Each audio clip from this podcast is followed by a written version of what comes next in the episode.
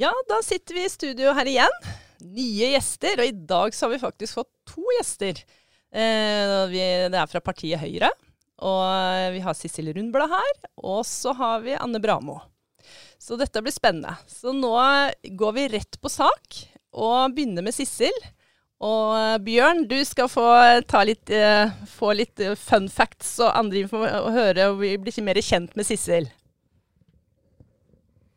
Ja, det skal vi gjerne. Og uh, veldig hyggelig å ha dere i studio. Vi um, prøver jo å ha en runde med alle disse politikerne, eller i hvert fall mange politikere i, i studio her. Og så er det slik at uh, for å bli kjent, så må vi jo liksom snakke litt mer på det private. Og da tenker vi så, så kan du Sissel nå presentere deg selv som hvor gammel du er, og hvor du kommer ifra, hva du jobber med, og liksom alt som kanskje folk er nysgjerrig på. Ja. ja, jeg er 65 år, og jeg har politikk som yrke og hobby. Så det mesteparten av tiden min går med til politikk. Eh, etter videregående så eh, startet jeg opp som vokalist i et popband. Og det satte litt sånn eh, stopper for videre utdanning. Og når jeg da begynte å jobbe, så begynte jeg lengst ned på stigen og endte opp som økonomidirektør i et internasjonalt selskap. Før jeg sluttet å jobbe i 2012. Eh, og da ble jeg gruppeleder i Høyre. Og etter hvert altså, så ble jeg fulltidspolitiker. Eh, fun fact, det er vel at jeg er en gammel popvokalist. Og at jeg er en ivrig matlager og baker. Surdeigsbrød, det er veldig morsomt, og det er det jeg gjør for å koble av. Og ja, hvis noen andre skal beskrive meg, da, så er det jo veldig sånn at jeg er nøye, jeg er arbeidsom, jeg er blid, og jeg tar hensyn til andre mennesker. Takk. Ja, det var ikke verst. Imponerende, det der med å være vokalist. Det var ikke så mange som har visst om. Nei. Eh, men du, du, sa ikke hvor du, hvor du bor, og Nei, du barn og litt sånne ting? Ikke sant. Nei, vet du hva. Jeg har jeg flyttet til Sverige, Helsingborg i Sverige, i eh, 1983. Eh, der giftet jeg meg og fikk to barn, eh, og kom tilbake til Norge i 1998. Eh, og da bosatte jeg meg i Moss, på Jeløya, og der har jeg bodd siden. Så jeg har ett barn som er igjen i Sverige. Hun er 41 år. Eh, og så har jeg to da voksne barn og fire barnebarn. Mm. De to andre voksne barna mine de bor i Oslo. Ja. Noen relativt nært, og en litt lenger unna. Ja, så når jeg skal treffe mine to eldste barnebarn, så må jeg reise til Stockholm. Ja. Eh, men hvorfor ble det akkurat Høyre? Ja, det kommer av eh, altså Egentlig så går det så langt tilbake til jeg var 16 år.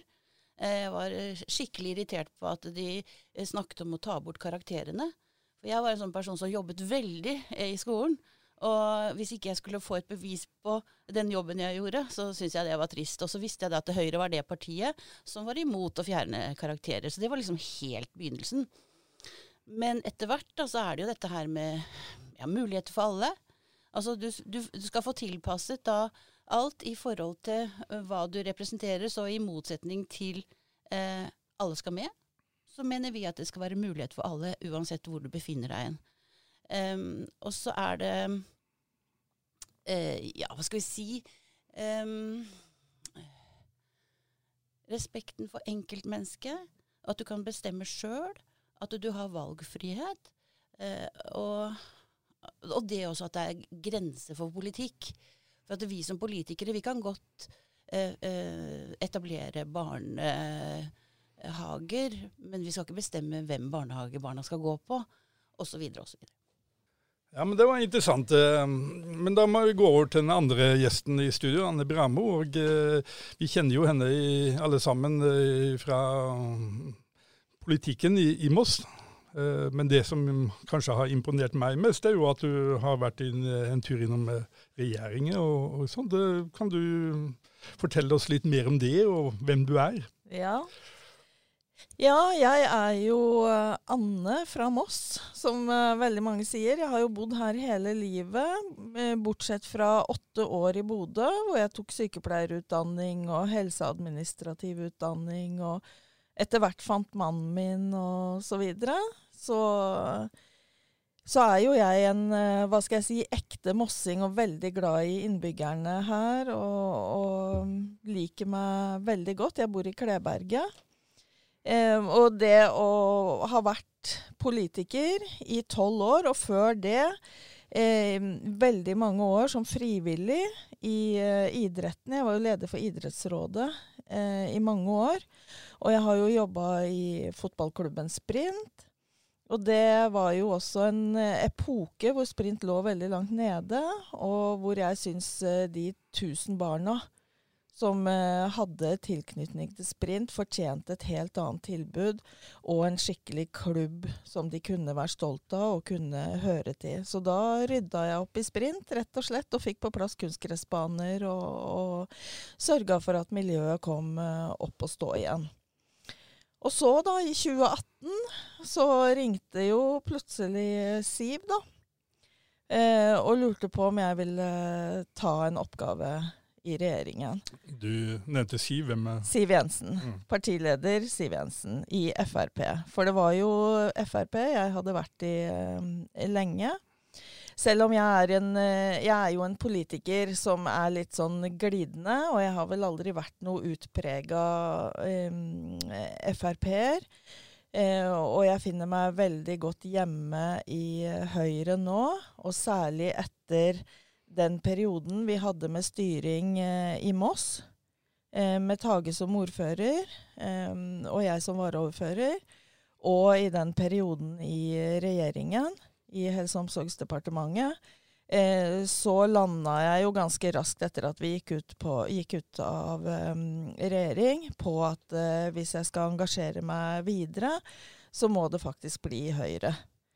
For det er et sterkt og styringsdyktig Høyre eh, som er balansert, og som eh, ikke lover alt, men eh, holder det meste, det tiltaler meg mer og mer. Mm. Er spennende. Ja. Hva, men dette hobbyer, uh, regner med at du har uh, mm. hatt din hobby innenfor idretten. Mm. men ligger det andre hobbyer skjult i agendaen her?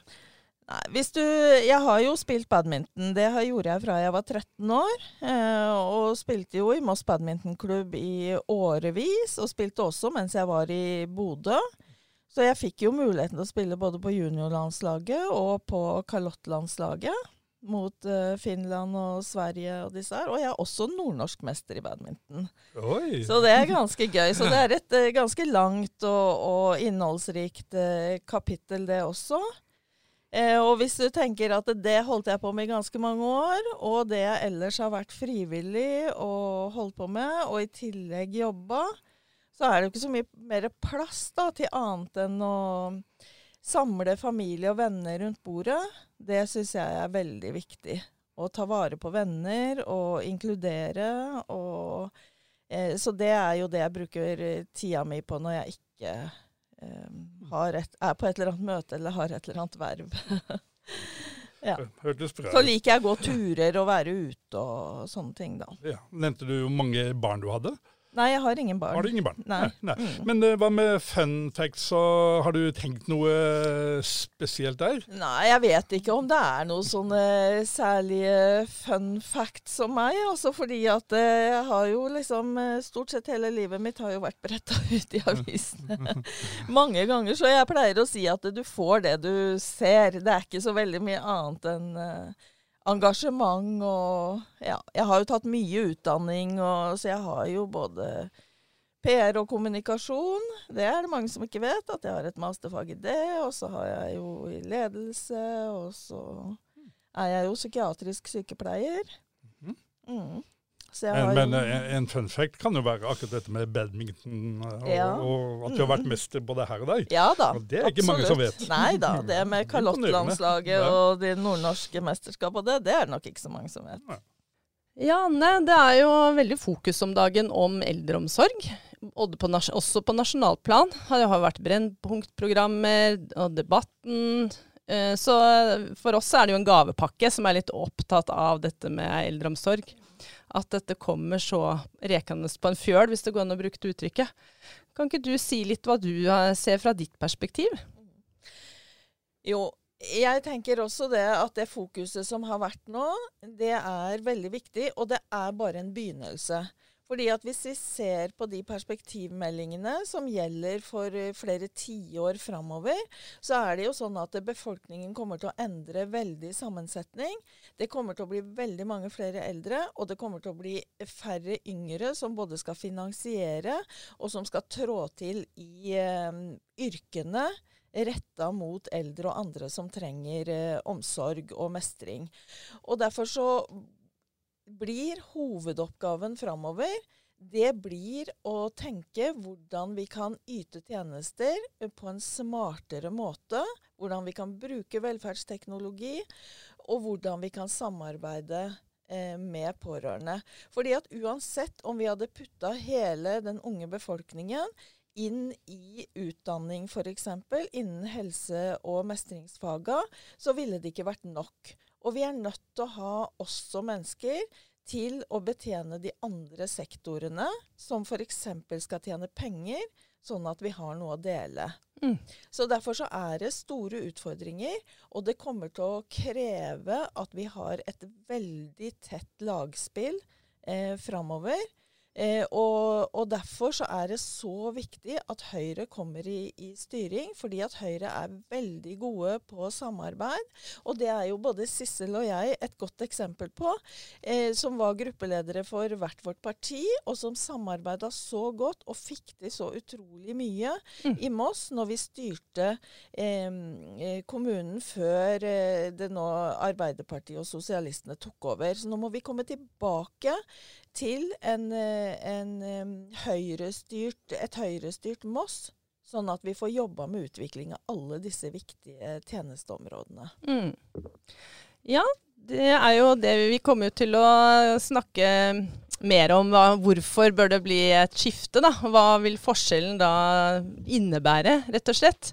Og da kan vi jo spørre Sissel Rundblad, da, som har jo sittet nå i helse- utvalget nå i disse siste fire åra. Og høre litt sånn hva, hva opplever du, hvordan har tiden vært disse, den siste perioden, og litt hvorfor du sitter der, hvorfor valgte du det utvalget, og litt rundt det. Eh, ja, jeg valgte helse og mestring eh, først og fremst fordi at eh, som Anne sa i stad, så fikk vi til veldig mye eh, når eh, Høie begynte å lansere denne her Leve hele livet, som etter hvert ble en eh, kvalitetsreform. Eh, og vi fant jo ut det at vi kunne få til veldig mye for svært lite penger for å bedre situasjonen til de eldre. Og det er vel det som motiverer meg også. Det er det å gjøre eh, at det blir en verdig eh, alderdom for de eldre i byen vår. Men jeg har lyst til å snakke litt om Brennpunkt. Mm. Fordi at eh, vi hadde Erna her eh, på besøk for en måneds tid siden. Mm, Erna Solberg, da, bare Erna for ordens skyld. Ja. Stat, tidligere statsminister. Ja, og mm. da var vi på Solli seniorpensjonat. Uh, og det er jo et uh, fantastisk eksempel på hvordan man kan løse omsorgsboliger.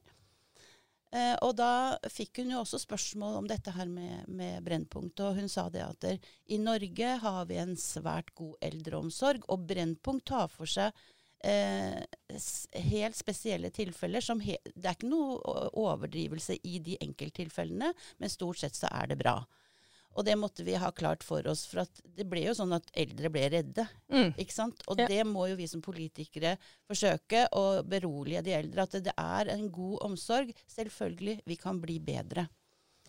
Så eh, det var viktig å, å få frem. Og så sa hun også noe om det at Kjerkol fikk jo veldig kritikk etter hun hadde vært ute og sagt at det har vi ansvaret for sjøl, mm. eh, det med eldreomsorg og alderdom. Og det var kanskje sagt på en litt keitete måte, men allikevel så må vi, jeg, begynne å tenke hva vil jeg gjøre, hvor vil jeg bo, skal jeg flytte til et sted hvor det er eh, lettere for meg når jeg blir eldre å bo? Eh, kanskje sammen med andre eldre, eh, slik at man kan få en felles omsorg, hjemmesykepleie og hjemmebaserte tjenester. Eh, så jeg tror det at det, er ikke, det er ikke helt feil å si det, men det er jo kanskje måten man eh, sier det på, da. Mm, og så kanskje man, at det må bli, komme klarere fram at de friske eldre, eller vi som er kanskje rundt 50 da, at vi begynner å forebygge, vi tar ansvar, vi planlegger. Mens de som er allerede syke og skrøpelige i dag, de skal ikke være redd for om de får hjelp. Nei. Altså at må, må kanskje bli litt sånn tydeligere kommunikasjon der. Det tenker jeg også. Eh, I hvert fall altså, Vi driver skremselspropaganda fordi at det, det, er sårbare mennesker. Når man eh, kanskje er på vei til å bli dement, eller ja, så mm. blir man faktisk redd ja. for hva skjer med meg ja. i et sånt samfunn. Så Brennpunkt tok for seg noe høyaktuelt. De satte faktisk eh, eldreomsorg på agendaen, og det er kjempeviktig. Nemlig. Men vi som jobber med det, må liksom eh, berolige folk lite grann. At dere det er, så, det er, ikke sånn overalt som det ble fremstilt der i den dokumentaren. Nei. Vi hadde jo utvalgsleder Remi Sølvberg her, eh, og han la jo ikke skjul på at det har vært en litt sånn utfordrende periode man ligger bak seg nå, med kommunesammenslåing, med alt det det krever og liksom de prosessene, ikke sant. Du kan jo forsinke ting litt sånn for å komme ja, få komme sammen i samarbeidet, da. Og så måtte man jo skjære ned. Det eh, var litt sånn tøft økonomisk, og så en pandemi. Så jeg ja. tror han liksom har følt kanskje at uh, han har tråkka litt i sirup. og har egentlig veldig mye lyst mye han har lyst til å gjøre, da, som han ikke har fått uh, gjort ennå. Uh, har du noen kommentar sett fra opposisjonen sin side? Ja. Eh, kommunesammenslåingen ble jo eh, besværlig, for å si det mildt. Fordi at vi hadde jo to økonomisystemer som ikke snakket sammen. Og plutselig så hadde vi 250 millioner i merforbruk på tjenestene våre. Og det var jo ikke riktig. Vi mm. hadde faktisk et, eh, et mindre forbruk. Ja. Så det var rett og slett eh, veldig mye trøbbel i begynnelsen med systemene fra Rygge og, og Moss. Så det når vi fikk kontroll på det etter hvert, så kom jo pandemien inn for fullt og egentlig slo beina eh, litt under eh, administrasjonen, da. Mm. Og det kunne vi jo ikke gjøre noe med. Så alt ble liksom forsinket, og da tenker jeg på planer eh, og alle disse tingene her som må lages på nytt for en ny kommune. Mm. Det ble det veldig forsinkelse på. Ja. Men det gir kanskje dere enda mer en sånn sult og pågang på det som ligger foran nå? Absolutt. Og det har du jo sett også når vi har utviklet planer for pårørende og eh, rus, rus, og psykiatri. Og alle disse planene har vi jo gått inn i med ja. kampvilje, nesten. Ja, ja, ja. ja. Den planen vi venter veldig på, det er jo den om behov for omsorgsbo. Som nå har vel snart gått to år eh, med utredning, og kommer kanskje til høsten, eventuelt neste vår. Ja. Tripper dere, etterlyser dere den dere òg? Ja, veldig. Ja. Eh, og det er jo den planen eh, Den heter boligsosial plan. Eh, og eh, også plan for, eh, for, eldre, da. Eldreboliger og, og sånn. Mm. Så det kommer, men det tar tid. Ja. Og vi er utålmodige, og vi etterlyser. Nemlig. Nei, Jeg tenker eh, at eh, når Høyre kommer i posisjon eh, til høsten, forhåpentligvis, eh, så må vi sette fart på dette arbeidet. Fordi det er litt eh, tidskritisk eh, å være på offensiven og være Å ha disse gode planene og løsningsforslagene. Fordi det kommer til å bli så mange eldre ganske raskt mot 2030, og da må vi faktisk faktisk eh, ha en del ting på plass. Eh, når jeg var statssekretær, så var jeg i eh, Århus og besøkte eh, et veldig spennende bokonsept sammen med den danske eldreministeren, og det heter Generasjonenes hus. Og det er et eksempel på hvordan vi må tenke. Vi må tenke at uh, ulike, altså mennesker i ulike alder og ulike situasjoner kan også hjelpe hverandre. Eh, fordi, eh, det, som jeg sier, det blir knapphet på personell. Og pårørende blir krevet å være ute i full jobb, både damer og menn. Barna skal i barnehager. Eh, ungdommen skal gå på skole og ut og studere. Og hvem skal egentlig ta seg av de som er syke? Og jo, vi må, vi må sette alle gode krefter til. Hjelpe hverandre. Vi må ha forutsigbare avlastningsordninger. Forutsigbare samarbeidsavtaler med pårørende teknologiske hjelpemidler, og ikke minst må vi ha disse framtidsretta og moderne omsorgsformene. Mm. Og må, boformer som og boformer. tilrettelegger mm. med, altså, at, at, man bor sånn at det er sosialt og trygt. Det er sosialt, det er trygt, man kan hjelpe hverandre. Det betyr at man kan øke verdigheten.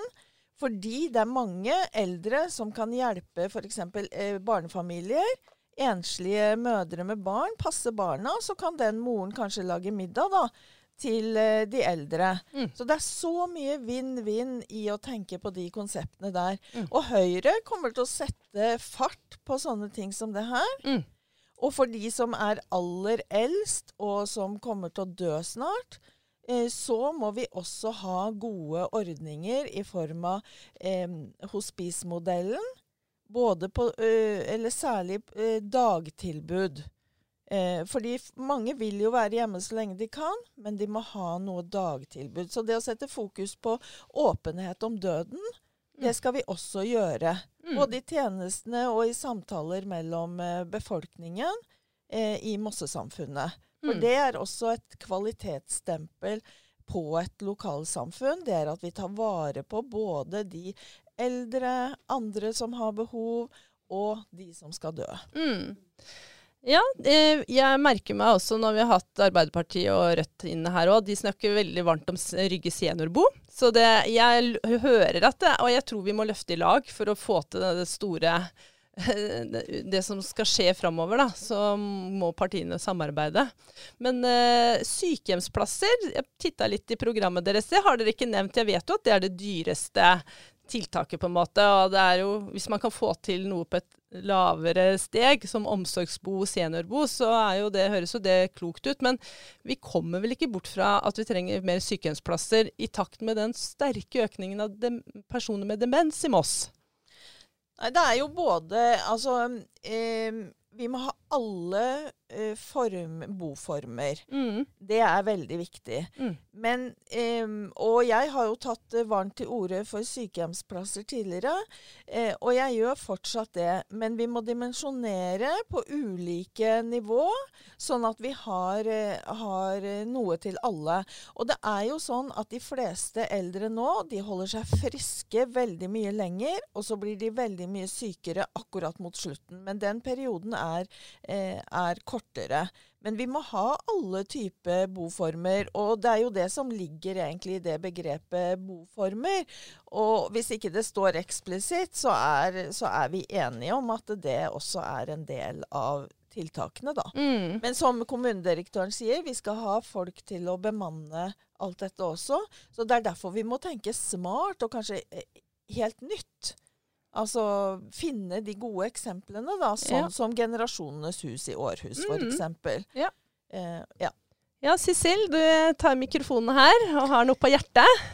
Jeg har noe på hjertet, og det er akkurat det her med, med programmet vårt. Mm. Eh, for der står det at vi skal ha heldøgns omsorgstilbud tilgjengelig for den som trenger det. Og den enkelte skal gis muligheten til å bo alene eller sammen med valgt partner. Og, og vi har holdt oss litt overordnet akkurat pga. det som Anne sier. At vi skal ikke liksom si at vi skal så og så mange sykehjemsplasser og så og så mange omsorgsboliger. Vi skal, vi skal, sørge for at det er tilgjengelig, og det kan være forskjellige ting. Bl.a. det som Anne tar opp her. Mm. Og at uh, vi skal bygge nye uh, boliger, kanskje i regi av Boligbyggelaget. Mm. Uh, og at flere private går sammen og bygger.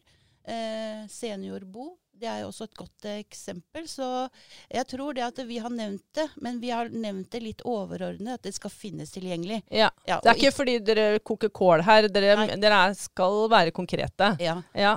vi er bare litt ut Vi orker ikke mer kålkoking. og, når, og, når, vi snakker om et program, så skal jo det være overordnet, litt strategisk, og så mm. følger vi opp med handlingsplaner, selvfølgelig, sånn som vi gjør i kommunen. Ja. Eh, så det vil jo brytes ned. Eldreomsorgen vil jo brytes ned i, i, eh, i handlingspunkter, Ja. som vi da kommer til å kommunisere ut ved hjelp av flyers og, og sånne ting. For dette her med programmet, det er jo nesten ingen som leser, dessverre. Ja, ja. Så derfor så må vi konkretisere det eh, ved hjelp av små brosjyrer og, og flyers. ja. Mm. Vi utfordra jo Rødt litt på det her om at hvis eh, det offentlige ikke klarer å bygge ut alle disse seniorbo- og generasjonhus og det som er da, så er dere villige til å kunne samarbeide med private eh, for å få det til, sånn som en store barnehageutbygging. ikke sant? Da gikk man jo på tvers og fikk det til. Hadde ikke kunnet klart å få det så raskt. Og da eh, har jeg lyst til å spørre dere, jeg tror jeg vet deler av svaret, men eh, hvordan, eh, vi ser jo på programmet at dere har nettopp skrevet 'etablere dialog med private i byggingen av bofellesskap'.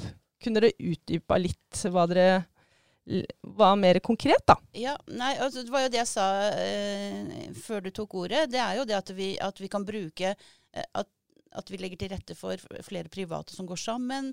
At vi bruker da boligbyggelaget for å, å gjøre dette her. Og det er jo alltid ildsjeler som, som ønsker å gjøre noe for eldre. Eh, og bygge noe eh, kollektiv. Mm. Og det må vi jo bare legge til rette for, tenker jeg. Ja. Men så er det jo Det bygges jo veldig mange lettstelte leiligheter her i Moss. Og noe av det som er fint med det, er jo at de, de voksne 55 pluss eh, går fra en, kanskje en enebolig til en lettstelt leilighet og kan bo der lenger.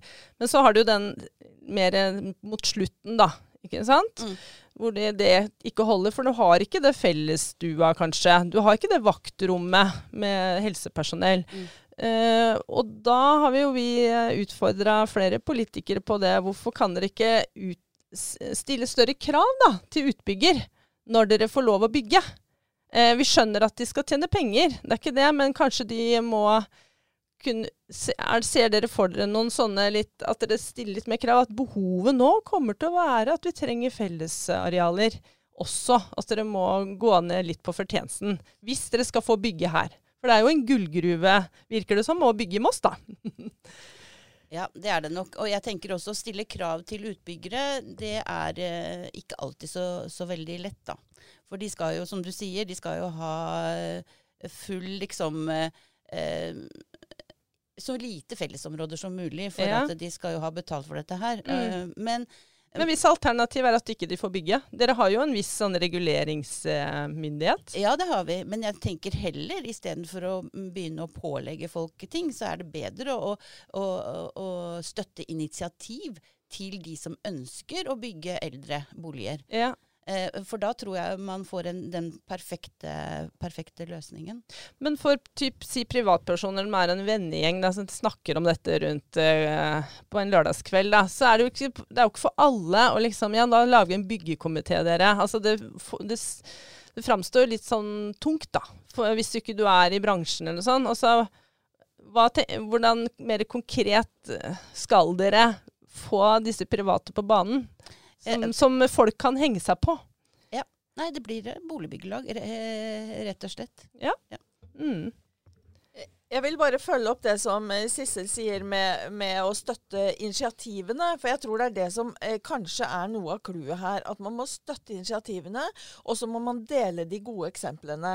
Som statssekretær så reiste jeg rundt hele landet og så på de gode eksemplene. For det var mange som ville vise fram. Og i Kristiansand har man Randesund hageby. I Stavanger har man Vindmølleparken. Og en rekke andre lignende prosjekter. Og jeg tenker at det er eh, både utbyggere og vennegjenger, som du kaller det, som er ressurssterke. Og jeg tenker at hvis vi får noen sånne eksempler, så kan snøballen begynne å rulle. Og da kan kommunen begynne på en måte å eh, adoptere disse eh, forslagene og, og de gode prosjektene, og se hvordan kommunen skal bygge sine egne av den samme typen. Ja. Så jeg tror, og vi har jo sagt eh, i Høyre at alle skal ha råd til å bo i Mås, Mm. Og det betyr jo eh, litt reduksjon på eiendomsskatten. Det betyr å bruke Husbankens virkemidler. Osv. Så, videre. så jeg tror at man kan, få, man kan, få, til veldig mye, men vi må sette det på dagsorden. Som statssekretær så satte jeg en boligkonferanse på dagsorden hvor vi viste fram alle de gode eksemplene. Ja. Og der kom jo aktørene fra øst og vest og ville gjerne både bli inspirert, og de ville gjerne dele eksemplene. Så det har jeg veldig tro på, istedenfor å på en måte regulere og pålegge. Mm. Men vi kommer ikke utenom offentlig-privat samarbeid framover. Mm. Og det er vel noe av det som gjør at meningsmålingene ser ut som de gjør akkurat for tida. Det er at uh, de ser at uh, Høyre og de borgerlige partiene støtter det initiativet, og ikke uh, bare går i revers eller bremser. Vi har ikke tid til det, Nei. rett og slett. Mm. Bare for å følge opp det litt med OPS, altså offentlig-privat samarbeid så har vi jo nå en veldig aktuell sak i Moss som ikke handler om eldreomsorg, men som handler om svømmehall. Eh, her vil vi ha svømmehall i Moss, og her vil vi ha svømmehall på Nøkkeland. Eh, og hvorfor da ikke Jeg kommer til å foreslå det faktisk eh, i neste kommunestyre som behandler Nøkkeland. At vi eh, setter den ut på anbud. Slik at vi kan få frigjort eh, krefter i kommunen, i MK Eiendom, til å bygge eldreboliger istedenfor at vi bare skal konsentrere oss om, eh, om eh, ja, skole og svømmehaller og sånn, som veldig bra kan løses eh, av private utbyggere. At vi da leier oss inn etterpå. Nå har vi snakket mye om bolig og, og, og, boformer for eldre, men jeg er veldig opptatt av dette med pårørende og pårørendes rolle. Og Jeg leste av programmet at dere skriver dette med valgfrihet og uh, hvor den enkelte skal selv få bestemme hvor de skal bo når de blir gamle. Men så tenker jeg sånn så, ja, hva med pårørendes rolle? Jeg har selv vært i den situasjonen hvor eh, de eldre ikke ville, ikke mens vi som pårørende, som Anne var inne på, at, at, vi skal ut og jobbe, vi skal tjene penger og betale skatt og sånt, eh, blir den som blir sittende med, med svarteper og da må bare akseptere at det, de gamle har sin rett til å være hjemme så lenge de ønsker og har lyst. Og eh, Jeg ser også at dere snakka litt om avlastningstilbud til pårørende. Hva tenker dere der, sånn generelt? Eh, ja, først og fremst har jeg lyst til å, å si det som skjedde etter eh, at Arbeiderpartiet og samarbeidspartiene tok over styringa av Moss. Det var det at pårørende og brukerundersøkelse forsvant fra kartet. Det er det viktigste verktøyet vi har for å forme tjenestene våre, eh, slik at eh, de blir så bra som mulig, og brukerne våre blir fornøyd. Nå har vi akkurat hatt en forvaltningsrapport eh, i tirsdagens kommunestyre som gikk på eh, eh, sykehjem og omsorgsboliger og kvaliteten på tjenestene. Og der var det utført en pårørendeundersøkelse. Eh, og det var veldig godt å høre en eh, stemme fra de pårørende, for nå har vi ventet i tre år på det. Og det viser seg jo, eh, og det var jo akkurat derfor jeg engasjerte meg i, i eldrepolitikken, at det er veldig eh, Vi får en skår midt på tre. Og da tok jeg ordet i kommunestyret og sa er vi fornøyd med en skår midt på tre, når vi har lagt så mye ressurser på Leve hele livet-planen, og, og hvis ut, eh, pårørende uttaler seg i rapporten at eh, vi får kjempedårlig score på aktivitet. Mm. Eh, vi får middels score på mat. Og det er jo ting som, som vi når vi styrte Moss var veldig, veldig bevisst på. Og det der å trives og ha en verdig opplevelse av, eller verdig alderdom på, på våre sykehjem. Og For noen år siden så hadde vi også en, en, forvaltningsrapport som gikk på dokumentasjon. Hva er det som dokumenteres når de eldre kommer inn som første gang på sykehjem? Og da er det en rapport som fylles ut med hva er det du ønsker, hva, hvilken mat liker du, eh, hvilken oppfølging forventer du? Altså fire av ti hadde eh, gjort det, og seks av ti altså hadde ikke denne innkomstsamtalen dokumentert. Og Jeg husker jeg tok ordet da også, det er noen år siden nå, og jeg var forferdet over at det gikk an. For det betyr jo at de eldre ikke har noe eh, rettigheter, nærmest, når de kommer inn på en, en institusjon i Moss. Så jeg håper at eh, det har blitt bedre. Men når vi leser de pårørendes kommentarer i denne forvaltningsrapporten, mm. så ble jeg skremt og nesten forferdet når det er liksom folk som sitter foran TV-en hele dagen, ikke gjør noen ting annet, og, og, og til og med skriver at 'jeg ønsker å dø'. Ja. Og når du leser noe sånt nå, Ja. som politiker i Moss som skal gi gode tjenester, Mm. da blir jeg Og jeg kjenner jeg nesten Ja. Ja, jeg blir rørt når jeg snakker om det. Men eh, det er jo, handler vel ikke litt også om ressurser? At eh, det, er, for få grunnbemanning, og, aktivitørene har jo blitt borte. Og selv om nå vet jeg at det er blitt ansatt noen mer ressurser sånn, som skal gå på tvers av sykehjemmene, men eh, Ja. Jo, jeg tenker at det, det handler jo om flere ting. Det handler om holdninger, det handler om ressurser, og det handler ikke minst om et samarbeid med frivilligheten. mm. Det fins så mange gode frivillige organisasjoner og frivillige enkeltpersoner som gjerne vil bidra. Og, og vi må legge til rette for det. Det virker nesten som det har stoppa helt opp i Moss, utviklinga av samarbeidet eh, med frivilligheten. Og det syns jeg er veldig, veldig trist. Fordi det er jo mennesker som av fri vilje vil bidra til at andre skal få det bedre. Og jeg tror at det, er en del av det som frivilligheten kan, som faktisk ikke ans ansatte i verken stat eller kommune eller sånn kan, ikke sant? For frivilligheten er eksperter på sitt. Og det gjelder bl.a. aktivitet. Det gjelder jo aktivitet utafor eh, sykehjem og sånn, og det gjelder aktivitet inne i sykehjem. Så jeg har veldig tro på at det å stimulere frivilligheten, det er, eh, det er noe som eh, blir en sånn glede som spres inn i kriker og kroker overalt. Og det Mm. gir mestring, og det gir deltakelse.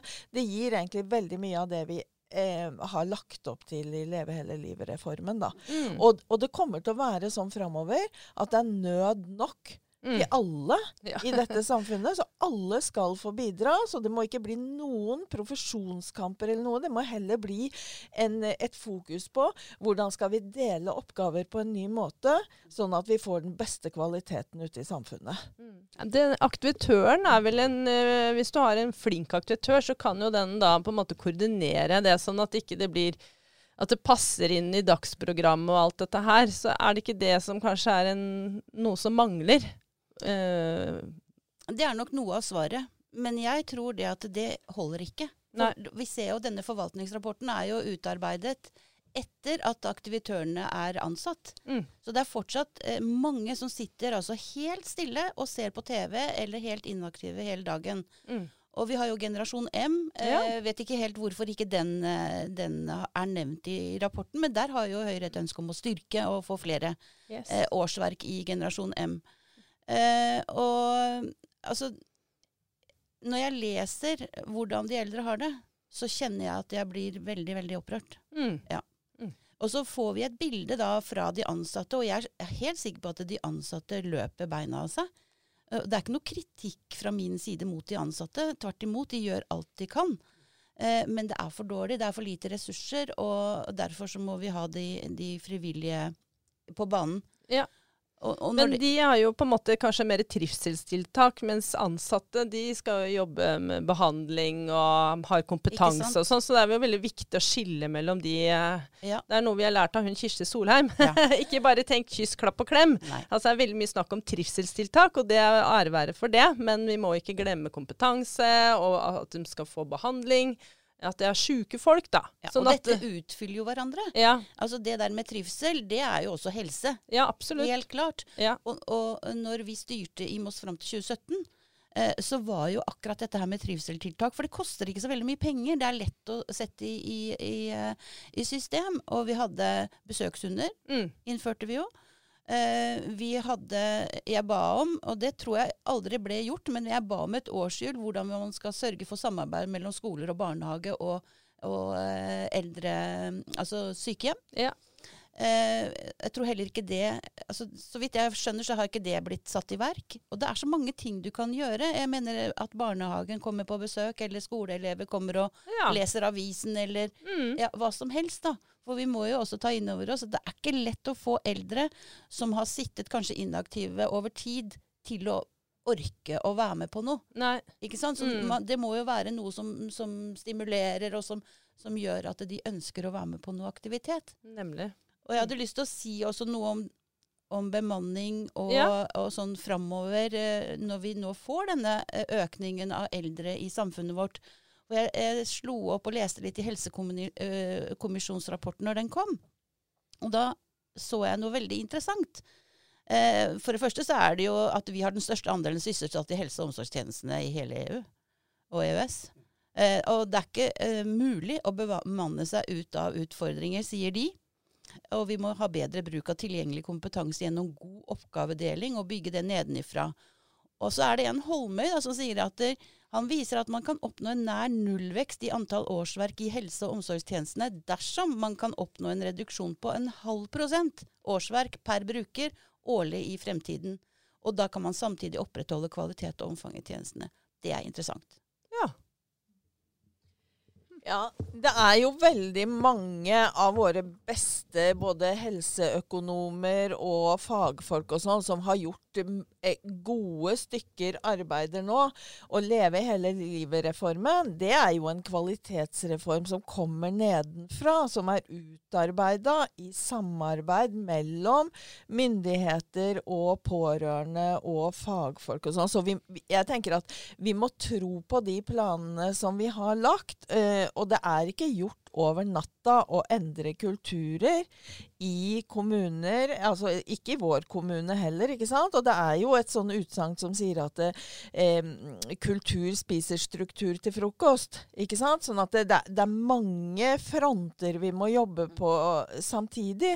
Men jeg mener at eh, Høyre, eh, Venstre, KrF og Frp har vist det her forrige gang vi styrte Moss kommune, at vi fikk til veldig mye. Vi skårte bra både på brukerundersøkelser, på kommunebarometer osv. ikke sant? Og nå virker det, virker det som at det, det har blitt stillstand på det meste. Og man kan ikke bare gjemme seg bak f.eks.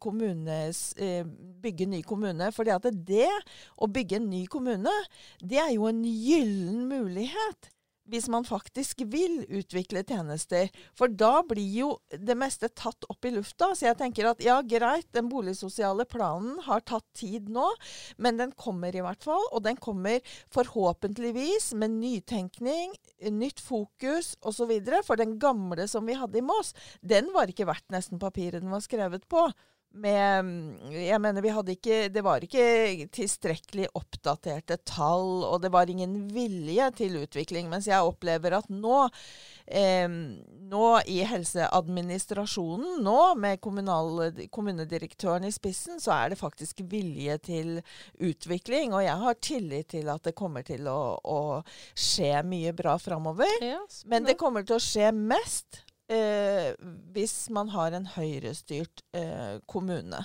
Det, Hva, det har jo vært mye Mosseavisa-saker nå med litt sånn fryktkultur og ansatte som sier opp. Og det har vært avdelinger hvor det på en måte har vært nesten masseflukt av sykepleiere.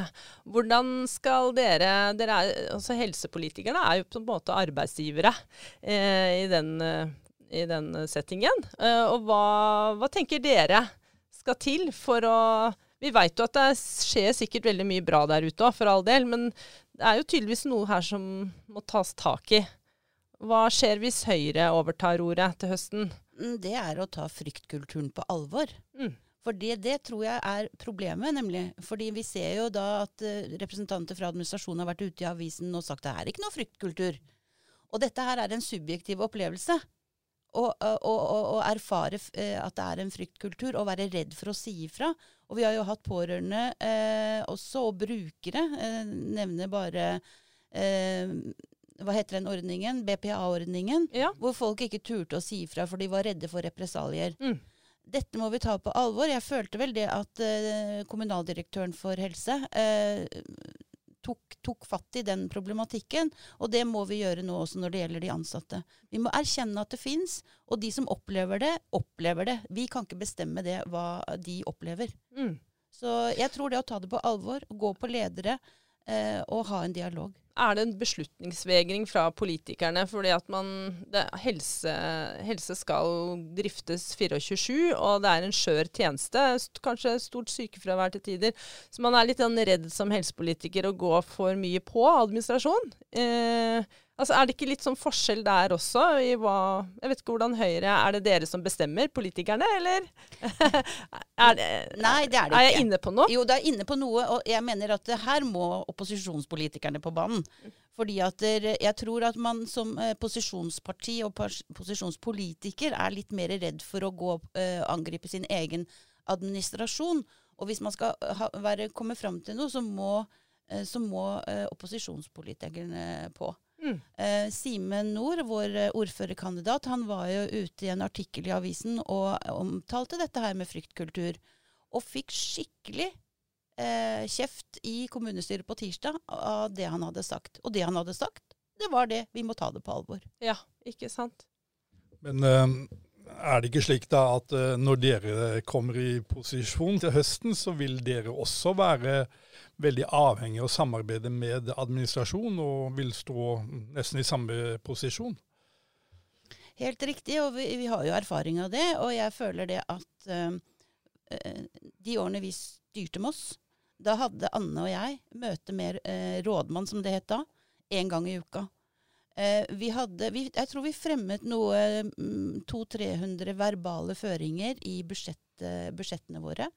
De satte vi opp i et regneark og hver uke så etterlyste vi eh, hva er progresjonen på disse eh, forslagene. Eh, og nå er det jo til og med kommet i eh, tertialrapporten, hvor de følger opp eh, verbalvedtakene. Men eh, sittende posisjon de har en brøkdel av verbalvedtak eh, i forhold til hva vi hadde. For det er gjennom verbalvedtakene vi styrer kommunen. Det er der vi gir føringene til administrasjonen. Sånn vil vi ha det. Det hjelper ikke å bevilge tre millioner til noe hvis ikke du forklarer hvordan man ønsker at pengene blir brukt. Derfor så, er, eh, derfor så tror jeg at vi er mer på. Man kan ha et hyggelig forhold til eh, administrasjonen, og det har jeg alltid hatt.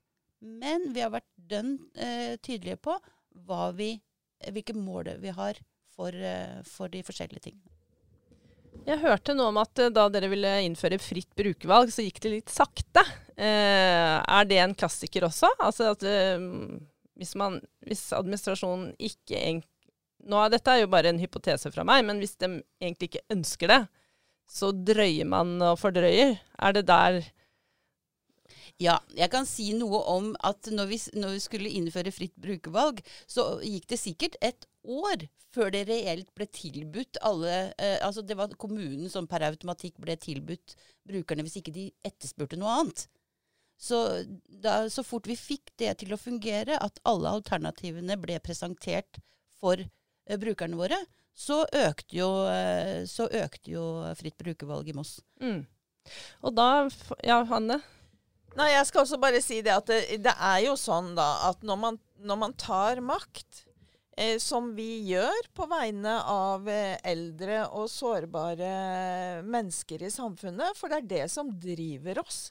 Det er det vi ønsker, at de skal ha det beste tilbudet, de beste hverdagene osv. Og, så og når, når man tar den makten og bruker det som man er valgt til, da kommer jo motmakten. Og det handler jo veldig ofte om eh, kanskje man ikke har kunnskap, kanskje man ikke har ressurser osv. Så, videre. så det er jo å få ting til i et samarbeid, ikke sant? Men du må være villig til å lede som en ledende politiker. Og det var jo det vi gjorde, som Sissel beskrev nettopp nå. Høyre, Frp, Venstre og KrF er partier som er villige til å lede. Og det har jo også det regjeringssamarbeidet mellom disse partiene vist disse åra. Hvor mye har man ikke fått utvikla Norge på åtte år? Det er helt fantastisk. Jeg er skikkelig stolt av å være en del av det, det laget der, det regjeringsapparatet der, som bare leverte på, på løpende bånd. Og veldig mye av det som man, ble, man leverte på, det var faktisk det som vi hadde satt på dagsorden i Moss. Det ble jo eh, kjøpt inn i regjeringen og eh, spredd som løsninger til landet. Og det er det vi skal gjøre nå også. Og vi skal være den klare, sikre stemmen på å nå resultater eh, hvis, vi, hvis, Høyre får styringsansvar eh, i Moss. Eh, tilbake i 20. mai, tror jeg det var, i, i 2019, så hadde vi invitert statssekretær Anne Bramo til Moss og hadde en fin konferanse oppe på Lilleng, hvor temaet var bl.a. Uh, dette med pårørendearbeid. Det som vi synes var veldig flott, det var jo at vi hadde nettopp en mossing sittende i departement og kunne jobbe saker. Og, og det kom jo da ut en pårørende strategi og en egen uh, stortingsmelding om dette her. her eh, og jeg mener det at Den pårørende strategien kom vel i desember i 2020 og skulle liksom gjelde fra 2021. men eh, Kanskje det er bare jeg som er veldig utålmodig, men, eh, men, eh, nå er vi langt ute i 2023, og jeg kan ikke si at vi har sett så mye av de resultatene som egentlig departementet og du eh, ville ha oss til å gjøre. Men ting tar tid, kanskje? Ja, Én ting er at ting tar tid, men så var det jo sosialistene som overtok styringa av departementet. Og overtok eh, eh, Altså, det må jo følge ressurser med. Eh, hvis ikke så blir det jo ikke noe greie på. Og, og jeg syns at pårørende faktisk hadde fortjent eh, mye større plass i statsbudsjettet eh, under den sittende regjering enn det vi eh, la opp til. Men det er i hvert fall kommet en pårørendestrategi, og noe av det jeg er mest stolt av i den pårørendestrategien, i og med at det var jeg som holdt i den, det er at jeg fikk fram et tall som viser at pårørendeinnsatsen er akkurat like stor som de kommunale tjenestene. Og det sier faktisk litt om eh, hvilken eh, viktig rolle pårørende har. Man yter omsorg tilsvarende det som vi liksom tror er det eneste saliggjørende her i samfunnet, kommunale tjenester. Det er det ikke. Det er samarbeidet mellom dem som er det aller viktigste. Da har jeg lyst til å snakke litt om den lokale pårørendestrategien, for det har vi hatt mange samtaler om, Karine. Eh, fordi når den kom til behandling første gangen, da hadde jo administrasjonen da laget en pårørendestrategi. Eh, og eh, når den kom til behandling i, eller da den kom til behandling i Helsemestring, så eh, tok jeg til orde for at det var en svært dårlig eh, strategi. Og jeg brukte alle dine argumenter, Karine, som jeg fikk, og Bjørn. Eh, og den ble sendt tilbake. Og da spurte jeg etterpå har dere ikke lest innspillet, altså høringsinnspillet som kommer fra pårørendeorganisasjonen i Moss. Det hadde de faktisk ikke sett engang. Og det er ganske oppsiktsvekkende. Så eh, når den kom tilbake, så var den jo betraktelig mye bedre. Det var den. Og det er jo takk til dere, faktisk, at den ble så bra som den ble. Og at den ikke fulgte engang den nasjonale pårørendestrategien, var jo også veldig opp, eh, oppsiktsvekkende. Eh, jo takk, eh, vi tar det gjerne til oss, det gjør vi. Men, eh, men samtidig så tenker jeg sånn så at ja, vi, var på femårsjubileet til Pårørendealliansen i Oslo, Norge. Og Der tror jeg de la frem et tall på var det 800 000 pårørende i hele Norge, og det tallet har sikkert steget. Og Da tenker jeg sånn på vegne av alle vi som er pårørende i Moss kommune, som gjør en heltemodig innsats eh, i, i hverdagen 24-7, som de sier. Og da uh, høres jo veldig ålreit ut, det som uh, dere snakker om når det gjelder pårørende. At de skal bli satt mer pris på, og de skal få, kunne få avlastninger. Og, de skal kanskje få muligheten til å, å, oppleve helt nye hverdager. Jeg kjenner massevis av gamle mennesker, ektepar som uh, ene steller den andre, og begge to er egentlig like syke. Og, og det er trist at vi skal ha det sånn uten at de får mer støtte og hjelp fra kommunen. Jeg vil jo uh, igjen trekke fram det at vi har nå drevet en ny kommune i tre år uten en eneste bruker- eller pårørendeundersøkelse. For det er jo der det kommer fram hvor vi kommer til kort. Og hvis ikke vi gjør det Nå er det jo planlagt en nå i 2023, uh, eh, men jeg, den kommer etter valget. Og det, jeg vet ikke om det er spekulasjon. Jeg vet ikke. Men eh, det er ganske oppsiktsvekkende, det òg. Det er mye oppsiktsvekkende fra min side her nå, men det å vente med en pårørendeundersøkelse til etter valget Er de da redde for hva som blir avslørt i undersøkelsen? Jeg bare spør. Og så har det jo kommet litt fram disse brukerrådene som har blitt satsa på. Vi har jo selv sittet i brukerrådet i to år på hjemmesykepleien. Eh, det med reell brukermedvirkning. For det har jo vært et problem å rekruttere eh, pårørende til å sitte i disse brukerrådene. Men det handler jo litt om om man opplever at det er vel anvendt tid.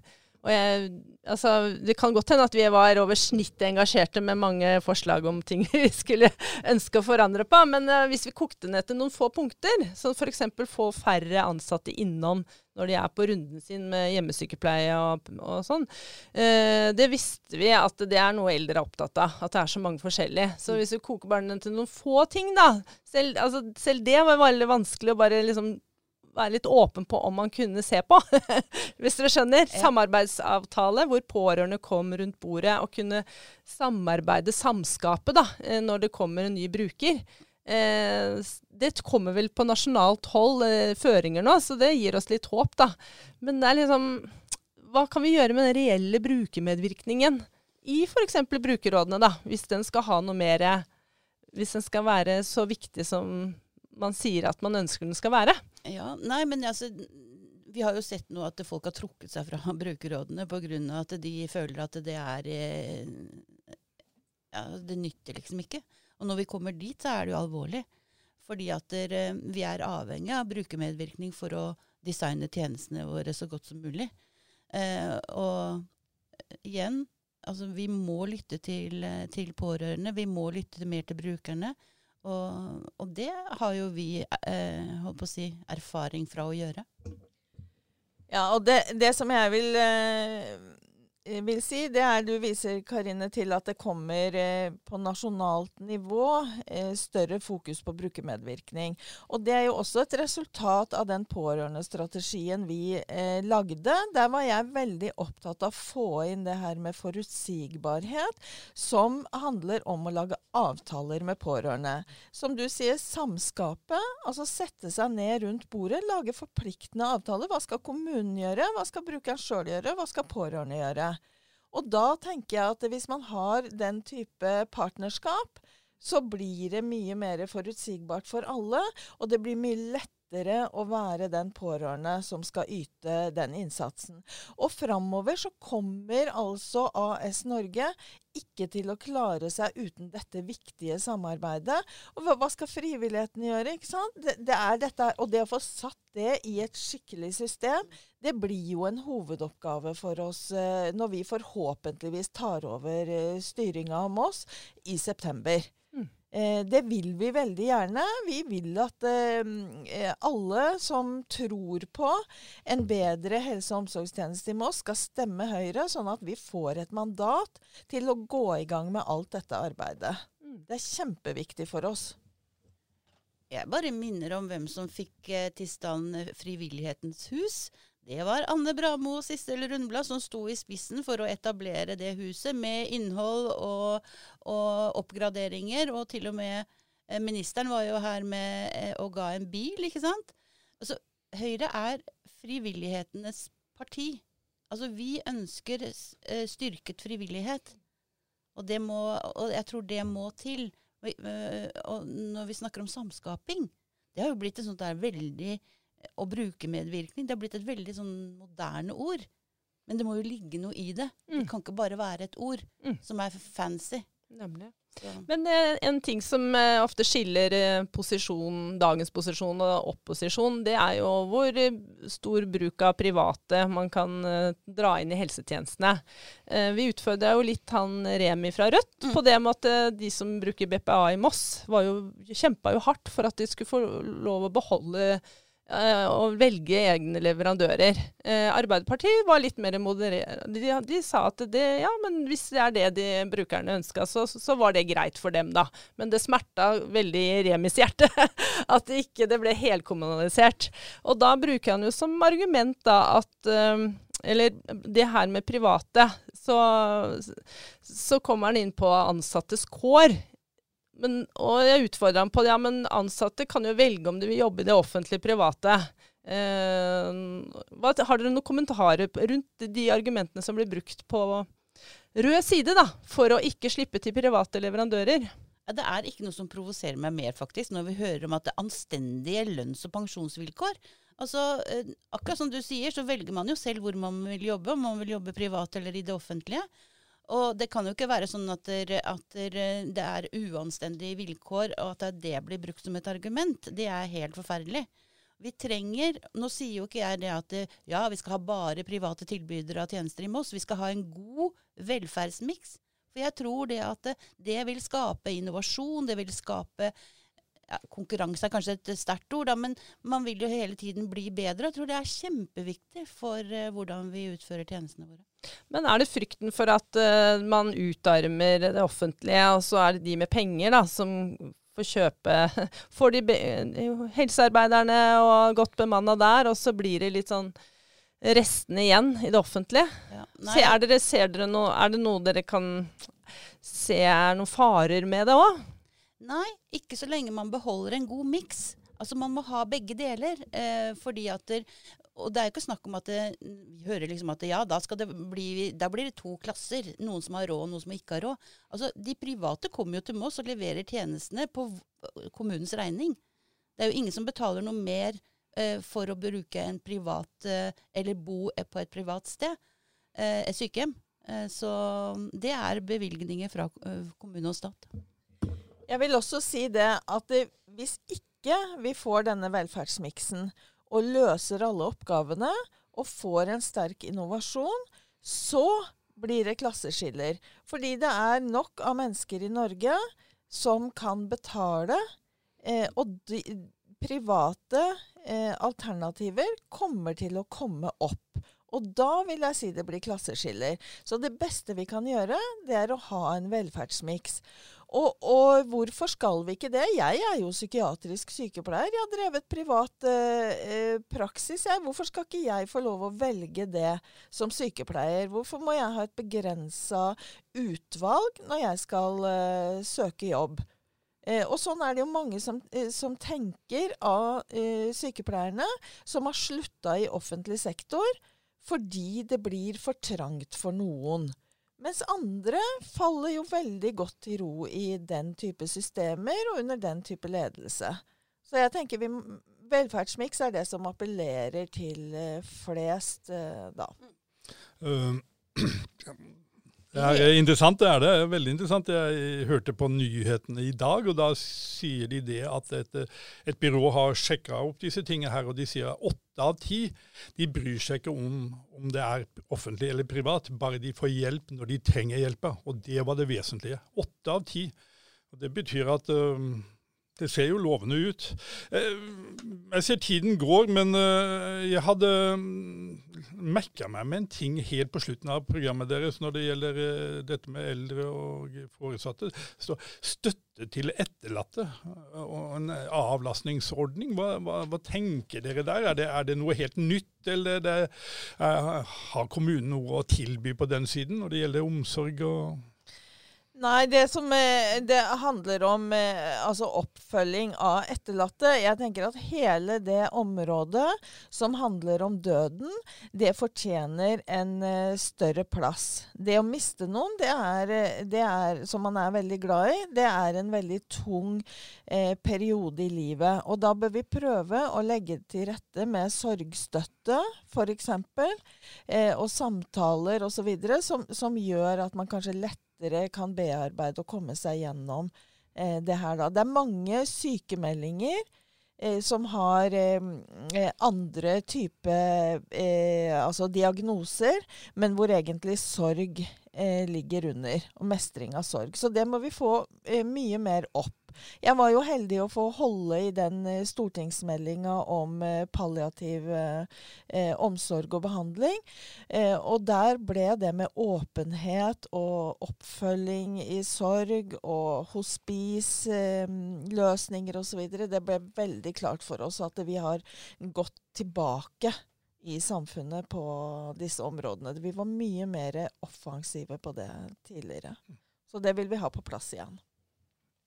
Og grunnen til at jeg dytta mikrofonen bort til Anne nå, det er det for at Anne har sittet i vår programkomité for helse.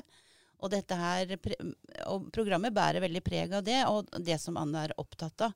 Eh, så det var derfor hun fikk mikrofonen nå. Ja, jeg syns det er jo veldig spennende det Anne er inne på. og eh, klart at det, Jeg oppfatter det også som en av mange som har vært i den situasjonen. At, at det er noe som mangler. Og eh, det som kanskje har funnes eh, rundt omkring, det er ofte store samtalegrupper. Og jeg tror når du er i en sånn situasjon, så, så, så søker du kanskje ikke de miljøene, men du vil ha mer sånn eh, ansikt til ansikt med noen som kan eh, hjelpe deg videre. Så mm, veldig bra tiltak.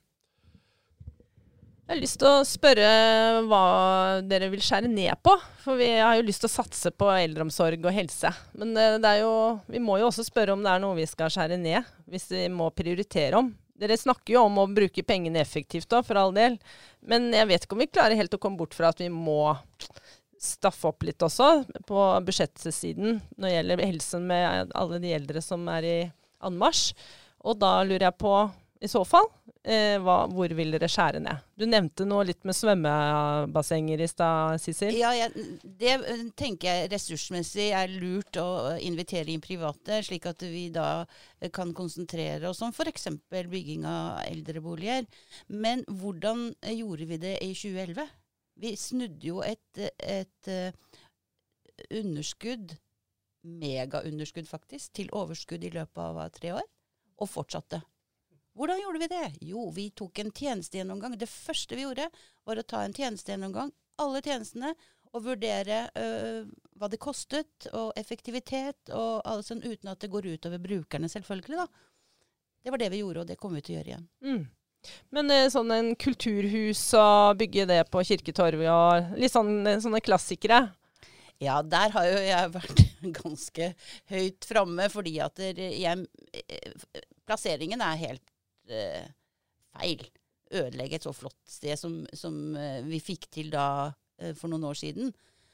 og for det andre så er det miljøuvennlig å bygge nytt. Vi, la oss ta vare på de bygningene vi allerede har, og vi har masse flotte bygninger her i Møllebyen. Og der er det mulig å plassere både kulturskole og oppgradere eh, dette biblioteket som vi sitter i nå. Vi har fått planer fra, fra, nei, fra Simon. Eh, og ser veldig, veldig flott ut. Mm. Så dere tør å ta noen valg også? Ja, det gjør vi. Ja, vi tør å ta valg, men så er jo et av de aller viktigste områdene for å skaffe penger, det er jo å legge til rette for skikkelig god næringsutvikling og økte skatteinntekter. Og hvis du bare ser på det siste året, hvor kommunen og, og, det er jo ofte sånn at kommunedirektøren når han kommer mot slutten av året, så er det sånn Oi, skatteinntektene ble mye høyere enn vi hadde budsjettert med. Ja, Eh, så får vi budsjettere litt høyere da. Mm. Fordi det skjer hvert år. Mm. Ikke sant? Så jeg tenker eh, vi, vi, er garantisten for et seriøst seriøs ledelse av kommunen, med Simen Nord i spissen, som er en veldig samlende leder. Og vi er garantisten for å drifte eh, effektivt og med skikkelig god kvalitet. Og det er det vi går til valg på. Jeg syns, eh, Bjørn, det virker som valgkampen er i full gang her inne. ja. Rene, skikkelige appeller her. Sissel, det ser ut som du vil si noe på tampen her. Ja, det jeg vil si på tampen, vi har vist at vi kan før. Så det er, dette her er ikke noe vi bare sier og tror. Eh, det er noe vi har bevist at vi kan gjøre. Eh, og da kan man bare se på kurvene for overskudd i Moss kommune eh, fra 11 og fram til da. Eh, så, så, ser man det. Nå er det jo selvfølgelig det som Anne sier, at det, eh, skatteinntektene har jo gjort at vi eh, har blåst opp eh, sparebørsa vår. Eh, det er vel 600-700 millioner eller hva det er for noe. Men det er jo Når man bruker av dem, så kommer jo ikke de pengene tilbake. Så man må jo sørge for at driften eh, går i null. Eh, jeg tenkte vi var på tide å runde av, men jeg hadde lyst til å nevne arrangement eh, som vi skal dra i gang, eh, eller har dratt i gang, da, til, som skal være i Samfunnssalen i Moss den 24. mai. Og der har vi jo med god erfaring fra arrangementet vårt i 2019 turt å se mot Stortinget og se om det var noen som turte å komme til Moss og snakke helse og eldreomsorg og og det, det, er det jo. og Vi har jo fått med Tone Trøen fra Høyre og uh, Cecilie Myrseth eller, eller, Tove Madland fra Arbeiderpartiet, og Bård Hoksrud fra Fremskrittspartiet. Han er jo ofte oppe og prater om, om eldresaker og, og slike ting. Eh, ellers så er det jo eh, Mina Gerhardsen fra, fra Nasjonalforeningen for folkehelse som skal være innleder. Og så har vi fått eh, kommunikasjonssjefen der inne til å være mm, Hva heter det? Debattleder, ja. Sånn at vi, vi, føler jo det at eh, når vi holder på med det her nå, vi også, så, så klarer vi å løfte oss litt høyere. og uh, Har dere noen kommentarer til akkurat dette arrangementet? Er det noe dere stiller på som uh...